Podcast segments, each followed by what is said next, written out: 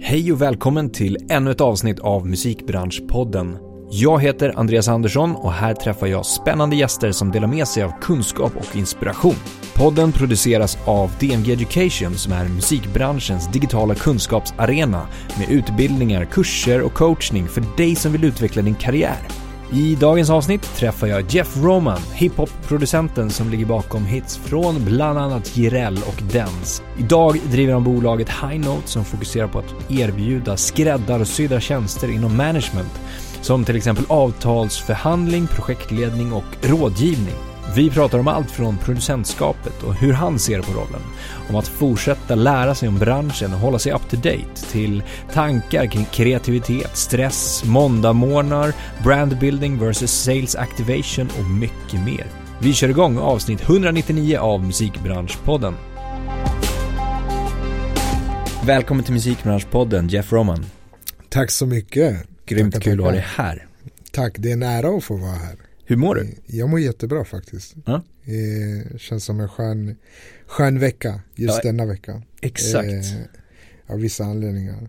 Det händer mycket. Ja. Ja. Vi kommer inte kunna gå in på allt som händer. Inte men allt, men en del. Och kanske det viktigaste är att jag fyller år. Exakt, jag tänkte på det. Det viktigaste, på en lördag. Ja, Ja.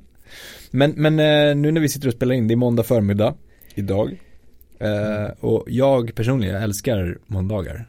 ja, Eh, kicka igång liksom Ja. på något sätt. Jag älskar att ja, men starta tidigt och alltså in, inget så här gå upp vid fyra på morgonen och, och kötta igång. Men bara så här, jag gillar det. Vakna fyra, gå till gymmet, träna, ja, exakt, kolla isbada mejlen. och heja hå. Nej, nej men liksom så här, ja, komma igång. Ja, Jag vet inte men jag får en känsla av att du också gillar, jag Måndagar. älskar måndagar.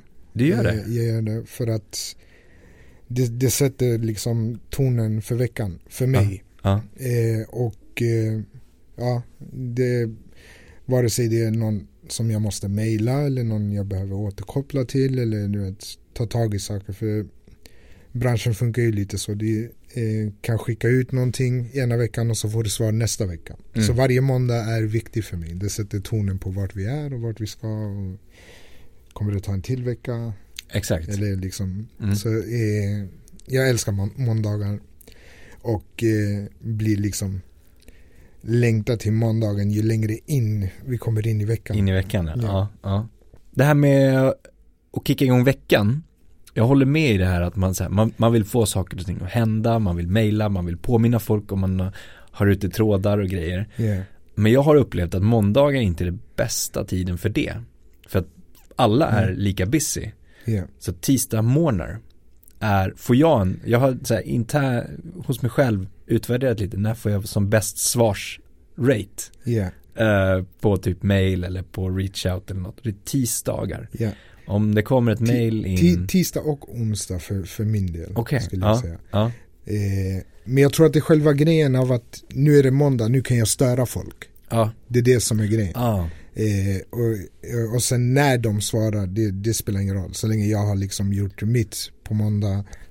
Eh, sen får de återkoppla när de kommer. Och kommer det inget på torsdagen så kan jag bara säga, tja, ville bara påminnas, se över den här.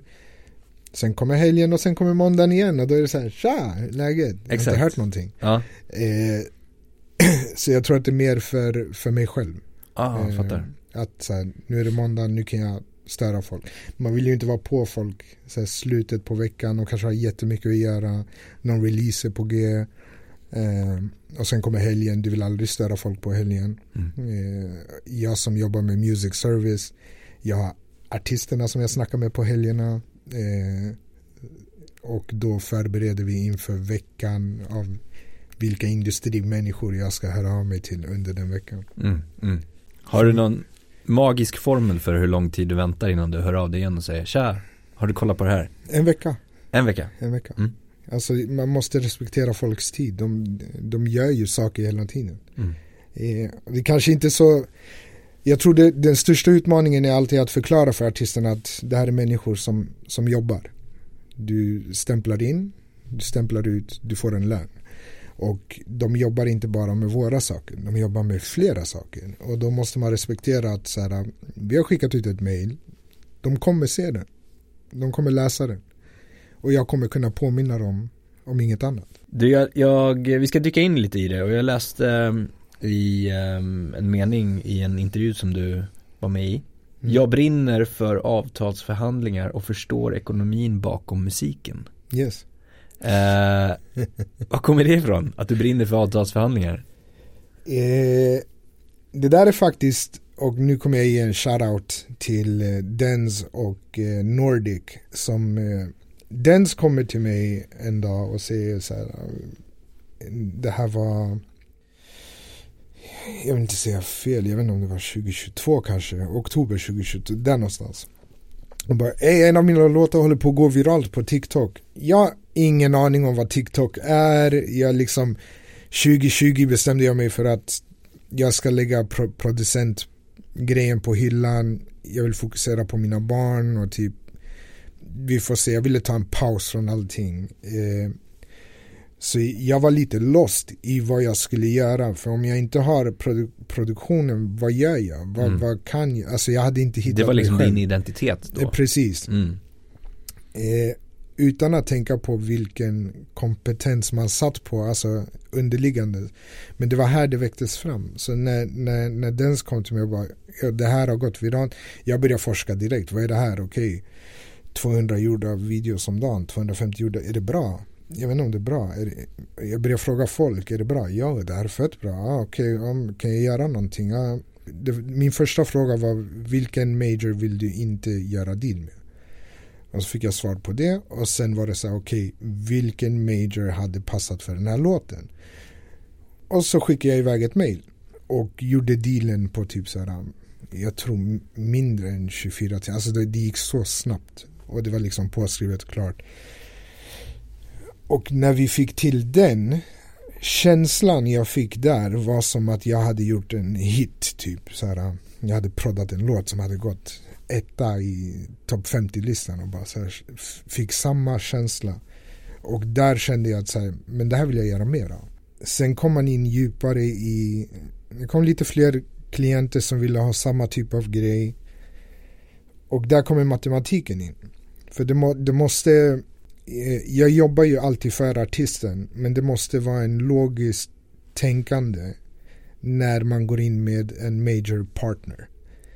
För om, om en major ska gå in med riskkapital så måste matematiken falla på plats på något sätt. För eh, i och med att eh, den generationen som jag kommer ifrån eh, alla de har ju blivit liksom heads eller jag kan göra deals med dem direkt eh, där vi inte behöver liksom gå via en ENR som ska känna efter om de kan göra någonting med artisten, testa lite sessions hit utan vi kommer direkt och bara säger är det här intressant, är det någonting vi kan göra mitt jobb har blivit väldigt mycket av att säga okej, okay, vart ligger du nu? Hur ser din brandbuilding ut?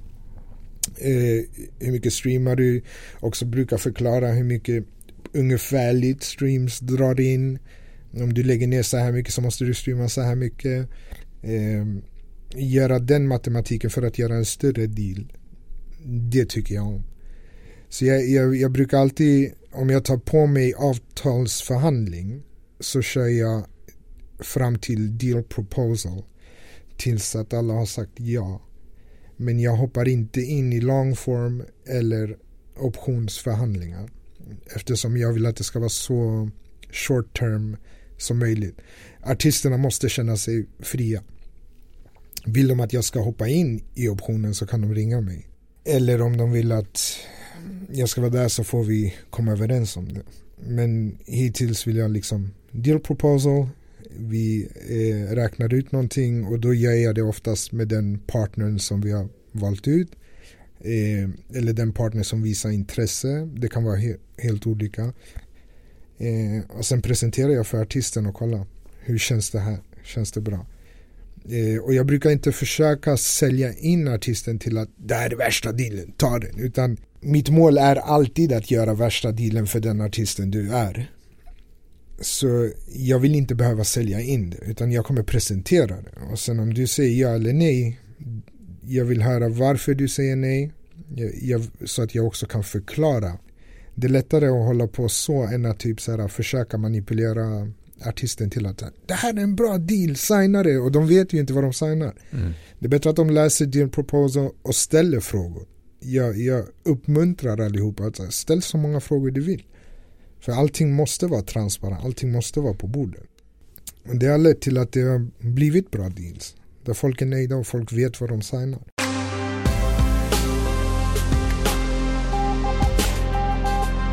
Vi pratar producentskap, alltså du, du identifierade dig som en producent. Ja. Um, innan du blev mer intresserad av liksom, det bakomliggande ja. businessen eller vad man ska säga. Och du har gjort jättemycket. Alltså som du sa, du har ju producerat topplistesgrejer eller vad ska Ja. man säga. Uh, vad är du mest stolt över? Jag är mest stolt över allting egentligen för att det, det jag inte tänkte på och det många inte tänkte på vad jag tror.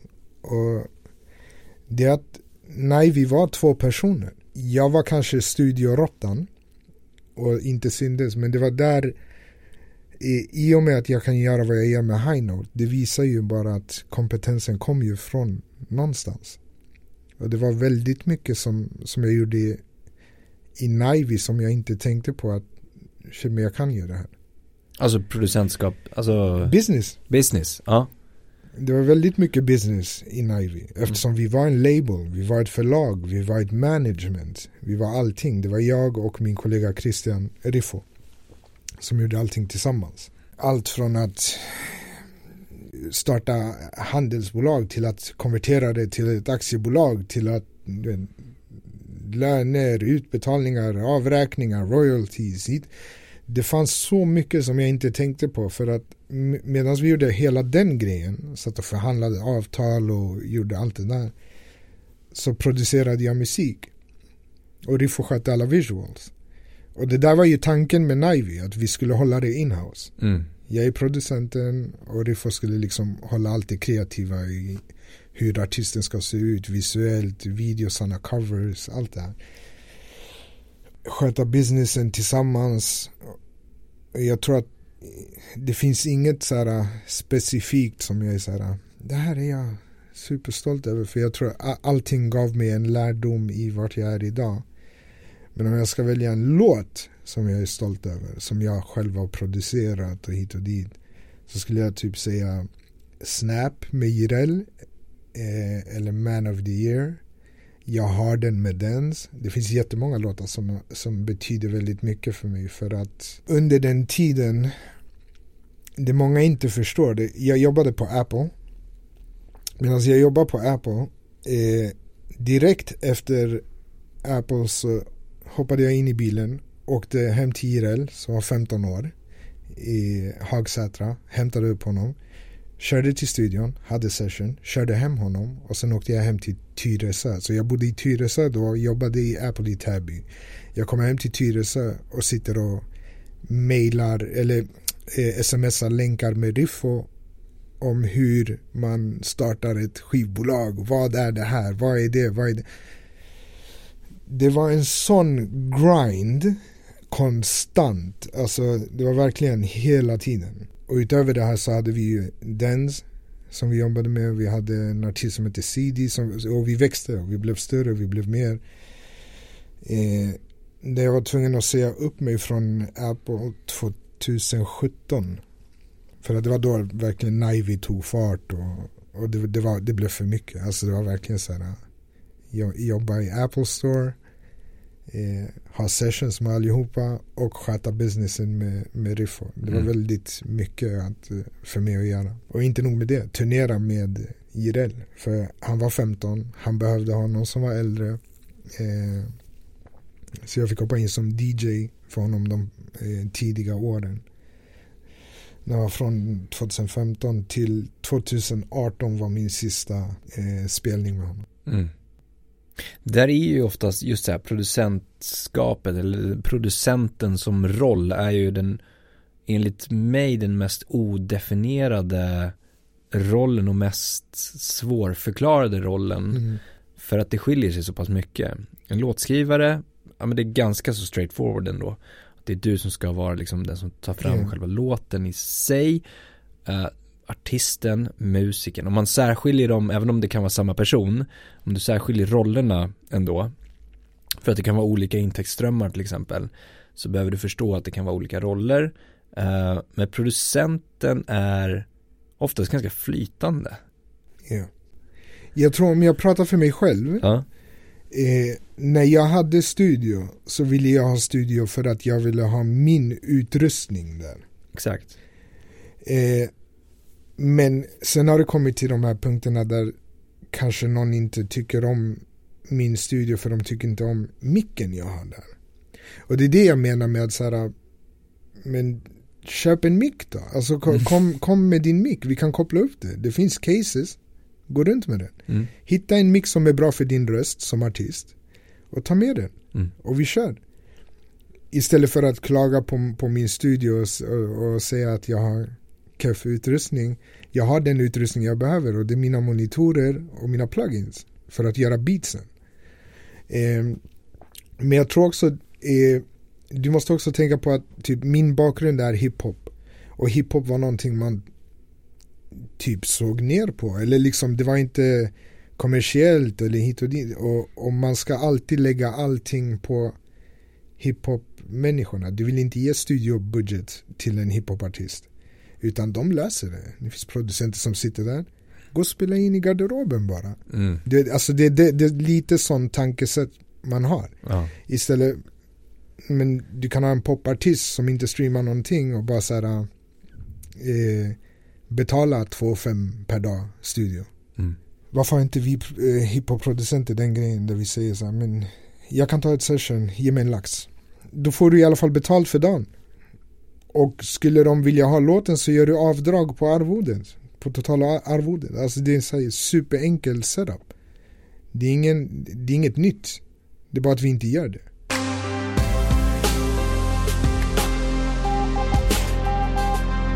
Nu har vi pratat om, om, om hela liksom deal, dealandet fram och tillbaka, men sen så handlar det om att det här skapas en inspelning av i studion. Yeah.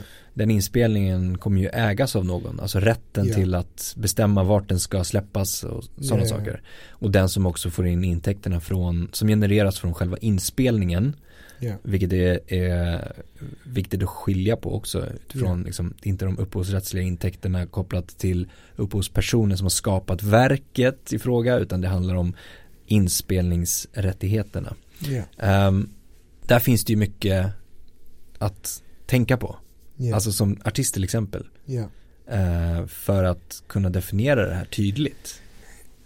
Och där tror jag att det viktigaste är att de, de, de flesta diskussioner börjar alltid i studion. Eh, eller går alltid över till ett telefonsamtal eller ibland sms. Ey, hur gör vi med splits? Och då Ja. kan till exempel mitt team få ett samtal. Ey, hur ska vi fördela det här? Eh, och så vidare. Och rekommendationen där är att man tar allting på mail. Mm. Så att man har, för det, det, kan, det kan bli stelt att bara springa runt med avtal till varje människa och bara säga här skriv på det här. Och då kommer massa följdfrågor. Vad betyder det? Och vad betyder det? Och vad betyder det? Det, det enda man vill är liksom vad, är- splitsen och vem äger det och bla bla bla. Eh, har du det på mail så är du klar. Mm. Så basically. Det är det enklaste sättet, speciellt för folk som gör liksom hiphop eller det, det kan vara vem som helst egentligen. Mm. Men det är, det är viktigt att ha en, en, en form av skriftlig konversation. Ja, och så tydligt som möjligt också. Ja, Alltså så här, ja men bra, vi är, och så inkluderar man alla i mailslingan till exempel, Exakt. alla involverade i liksom processen. Och rada upp det i mejlet liksom. Ja. Som vi har pratat om eh, sen tidigare, pang, så kommer vi överens om det här, det här, det här, Exakt. det här. Ehm, alla kan, kan alla bekräfta det här med ett OK Ja. eller ja eh, via mailen. för då blir det som ett bindande avtal. Ja, Men oftast, eh, det hände oss nyligen, eh, jag ska inte nämna namn eller någonting men typ så här, eh, artistproducent kommer överens, eh, man kommer överens om allting, splits och hur det ska gå till. innan inspelning. Vadå? Innan inspelning eller? Nej efter, alltså Efter nu, nu är det. Ja, vi är ja. på väg mot release och Okej. vi håller på att komma överens om splits och, och, och allting. Och så är det klart. Och så är det reggat, uppladdat, fixat. Och sen får man liksom ett samtal av att ja, men här är en gitarrist som vill ha det här och det här och det här. Och man blir så här, okej okay, men mm. allting är ju redan klart. Mm. Man vill ju inte vara liksom så här, eh, eh, taskig eller någonting. Men det finns underlag som styrker att det här är vad vi har kommit överens om. Så man kan sätta punkt där. Mm. Men vi ville liksom fixa situationen så vi försöker fixa en lösning till det. Men det, det är bara så att folk har det som ett exempel att så här, har du underlag så kan du actually typ säga nej, det är redan klart. Eh, men hade vi inte haft det, då hade det blivit jobbigt. Då hade det blivit så här, ah, vi, inte ens, vi har inte ens kommit överens om någonting. Ja, exakt.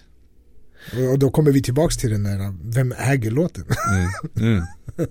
Jag tänkte vi ska gå in, du har ju en väldigt bra inställning kring, du har ju bred erfarenhet från kreatörskapet som vi har pratat om och du har ju eh, undermedvetet nästan lärt dig väldigt mycket om branschen och businessen yeah. som du nu mer och mer utövar kan man väl nästan säga. Yeah.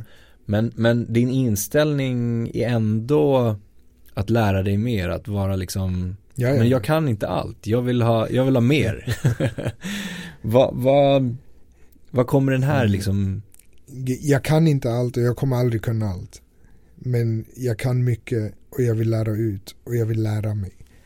Så, men jag har alltid varit sån som person. För som producent, man utvecklas hela tiden.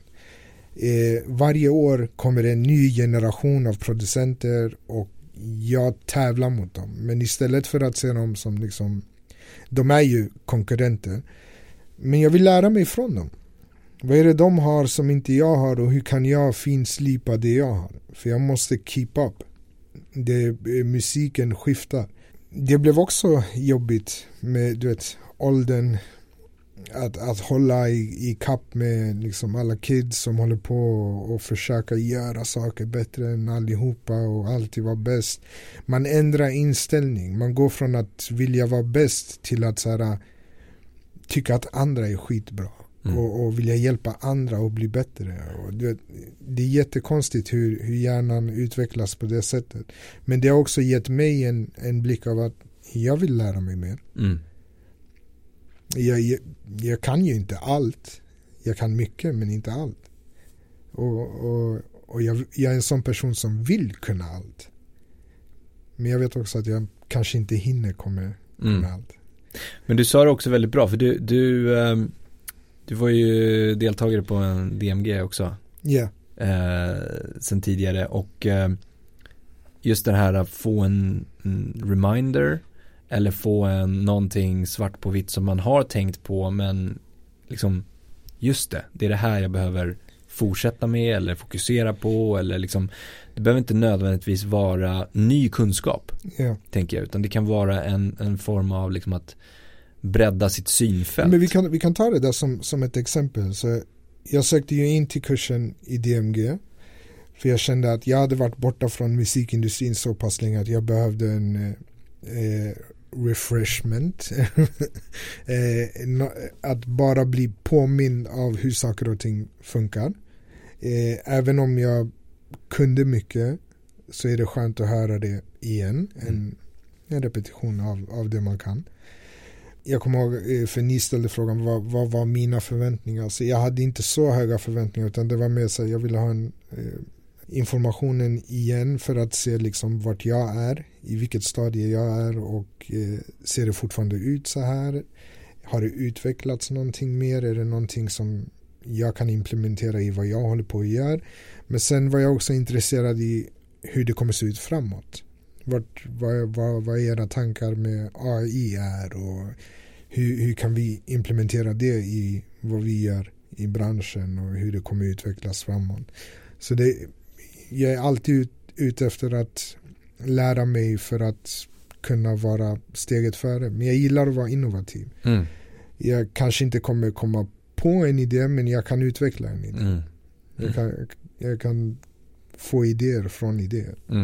Och jag tror att det där ligger typ min styrka, skulle jag säga. Ja men en, en, en klockren grej där som vi också har pratat sen tidigare, liksom hitta balansen mellan, alltså när vi pratar marknadsföring till exempel, eller marketing. Yeah. Um, att hitta balansen mellan brandbuilding och sales activation. Alltså vad är det för någonting? Yeah. Uh, och hur man kan applicera det på artister eller på ett bolag i musikbranschen. Det, det där var superviktigt för High Note för att eh, i början så var det väldigt mycket fokus på hur vi ska brandbilda artisten. Men problemet är när du själv inte är artisten. Artisten kommer inte göra allting som du föreslår. Mm. Så då skiftade jag fokus till att brandbilda High Note. För att vi är High Note. Och vi kan faktiskt brandbilda oss på det sättet som vi vill. Och det har liksom gett sina resultat på, på vårt sätt. Vi fick våran lilla hype eller whatever. Eh, men då kände jag så här att okej, okay, vad gör vi? Vi är ett sales activation team. Vi väntar på produkterna och sen säljer vi dem. Och, och det nätverket som vi har hjälper oss att sälja produkterna. Och det är därför folk dras till oss för att vi sitter på liksom det kontaktnätet som kan se till att sälja produkten. Mm. Men brandbuilding är väldigt viktigt för artisterna. De måste fokusera på sig själva och verkligen se Istället för att se till exempel TikTok som sin största fiende Se det som en gratis marketing tool Var där ute, syns, visa dig Visa vad du gör och sen inte att du ska förlita dig på att det, det ska bygga hela ditt varumärke men det är en del av det. Du får hjälp, det är enkelt. Och om de kan sätta fokus i det medan de bygger upp sig själva och sen ger de oss en produkt så kan vi lägga full fokus i att försöka sälja produkten. Mm. Och, och, jag tror att det, det där var en key grej som var så självklar när jag hörde den. Och jag tror att den var så självklar att vi missade. Alltså det, det är som team. Mm, mm. Eh, för jag är inte här för att vara någons personliga assistent. Det är, det är inte det High Note är. High Note är inte management, det säger jag hela tiden. High Note är liksom en music service bolag som ska hjälpa indieartister att försöka sälja sina produkter så gott de kan. Mm. Eh, låt för låt. Vi binder inte folk i flera år eller tio låtar. Eller, för vi erbjuder inga förskott heller. Det vi erbjuder är att sälja deras produkter. Mm. Och vi är fysiska personer. Det finns ju hemsidor som man kan göra det på. Men vi är människor som kan liksom ringa folk. Vi är människor som kan vara bollplank för artisterna. Ge dem rekommendationer. Mm. Så här hade du kunnat branda dig om du vill. Men sen om de gör det, det är upp till dem. Och jag tror att när, när, den, när det tankesättet kom för oss som team, det släppte jättemycket press. Mm. Eh, för vi förstod lite mer av vad det var vi skulle göra för någonting. Jag tänker på eh, genom, vi pratar om liksom att, att äh, lära sig mer eller förstå hur branschen funkar och liksom bli reminded. Hur, äh, det går ju att, att ta till sig kunskap och förståelse och erfarenhet, kompetens genom att läsa sig till saker och ting eller mm. lyssna på det eller ta in teori för att yeah. sen omvandla det till praktik yeah. vid ett senare tillfälle.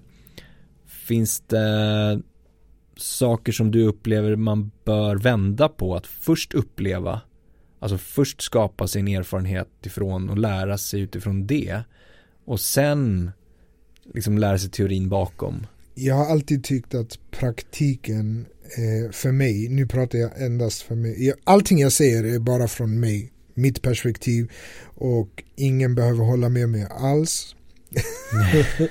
jag måste vara tydlig. Eh, för mig är praktiken mer värd för att du lär dig av dina misstag och du måste göra misstag för att kunna utvecklas. Eh, och obviously, jag har själv tagit kurser i efterhand. Jag har jobbat med musiken hur länge som helst. Men än idag så tar jag kurser. Och det är också för att jag vill ju kunna teorin på papper också. Men jag tror att man lär sig mer. Allting som jag har lärt mig har jag lärt mig i praktiken. Och sen det i efterhand, jag vill ju se det på papper också. Typ hur ser det ut? Eller hur tänker andra människor? Jag tror att det, det kan hjälpa människor att aktivera sina hjärnor på ett annat sätt också. Mm. För du har lärt dig det, den tuffa vägen Men sen läser du det. Men då kan du det för du har redan lärt dig den tuffa vägen. Men jag tror inte att det finns någonting som kan riktigt skydda en från att göra misstag. Du kommer alltid, speciellt som ny, du kanske gör en artistdeal som är till majorns fördel där du har gått back och minus och blåat upp och gjort värsta hitten där du torskar majoriteten av dina procent. Men då måste man tänka vart var du varumärkesmässigt? Risk, risken som majorn tog? Man kan inte bli bitter. Man kan inte så jag tycker också det är fel att säga misstag för typ jag vet vad Nivy gjorde för deals och jag kanske nu i efterhand tänker shit hur kunde vi göra en sån där deal men vi hade inte varit i branschen om vi inte gjorde det och de tog en risk på oss så det finns inga rätt och fel det är bara så här hur kan du bli bättre hur kan du utvecklas mm. och, och nyttja din brandbuilding nyttja din position vart du är idag när din deal har gått ut. Mm. Om vi går in på det ni gör då? Vårt mål är att se till att liksom låta artisten släppa indie mm. eh, om de vill. Eller hitta en deal till dem. Ja, och slussa iväg dem. Ja. Och eh, nu för tiden så är det väldigt mycket distributionsdealar där ute. Mm. Där det enda folk känner att de behöver hjälp med är playlisting och pitch. Mm. Eh, och kanske en projektledare. Mm. Jag har märkt mer och mer att för artisterna är inte projektledare viktigt men jag tror inte att de förstår riktigt vad en projektledare gör för någonting. Eh, men playlisting och pitch är någonting som är viktigt för dem. Och det brukar oftast ingå i eh, distro deals. Mm. Och sen finns Highnote som ett team. Det, det skräddarsytt. Jag frågar alltid en artist, vad vill du ha? Så om, om, en artist kommer till mig, jag frågar vad är det du behöver? Hur, se, hur ser din situation ut nu? Ja, men jag har manager. Okej, okay, cool. Vet din manager att du pratar med mig just nu? Ja, okej, okay, cool. Vad är det du behöver hjälp med? Men jag vill hitta en deal. Okej, okay, cool. Och sen kommer det ett avtal som de får signera på. Och sen har jag rätt att gå och gräva in i deras historik och kolla och se om jag kan göra någonting. Och sen gör jag det. Mm. Eller så kan det vara att någon har en manager men de vill ha ett team. Och vi erbjuder teamtjänsten. Där jag kan agera som ENR, Michel, Faye, vem som helst. Hoppa in där, vad är det den här artisten behöver? Vi som team brukar också oftast prata med varandra om vem filar den här artisten mest? Vad ser du för den här artisten. Och då kanske den personen tar på sig det uppdraget. Eh, den som har den tydligaste visionen. Det måste vara väldigt så här, öppet och också för att artisten ska känna att de actually har ett team fast vi är song by song baserade. Mm. Du Jeff, jättestort tack för att du ville droppa förbi och eh, snacka en liten stund. Hoppas du får en sjukt bra eh, födelsedagsvecka också. Ja, eh, tack så jättemycket och eh, det tror jag att jag kommer få. Mm. Ja, mycket spännande saker. Ja men tack. tack. Tack för att jag fick komma, verkligen. Det är nära. Jättestort tack för att du har lyssnat på podden idag. Det uppskattas verkligen. Kom ihåg att följa, stjärnmarkera, gilla, dela, kommentera för att hjälpa till att sprida kunskapen i musikbranschen. Vi vill också jättegärna höra från dig. Vilka utmaningar står du inför? Vad tycker du är svårt? Vad tycker du är lätt? Vad vill du höra? Vad vill du veta? Vad vill du lära dig? Hör av dig till oss på info at dmgeducation.se. Tack för idag och ha en fortsatt härlig dag.